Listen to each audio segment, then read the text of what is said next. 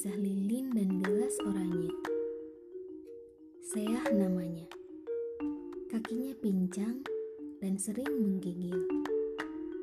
Malam itu, mesin pemotong kayu terdengar sangat bising di sebuah rumah tua yang terletak di ujung desa.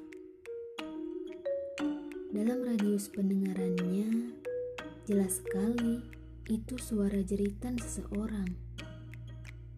Tangan mungilnya menggenggam pisau kecil sebagai bentuk penjagaan. Kakinya berjalan pelan, namun matanya menangkap sosok seorang anak lelaki yang membawa lilin. Seketika suara mesin pemotong kayu dan jeritan itu terdengar bersamaan.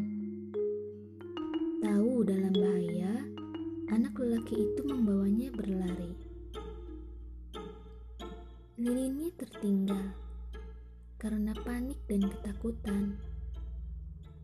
Namun, seseorang telah memadamkannya dengan cara mencelupkannya ke dalam gelas oranye yang penuh darah.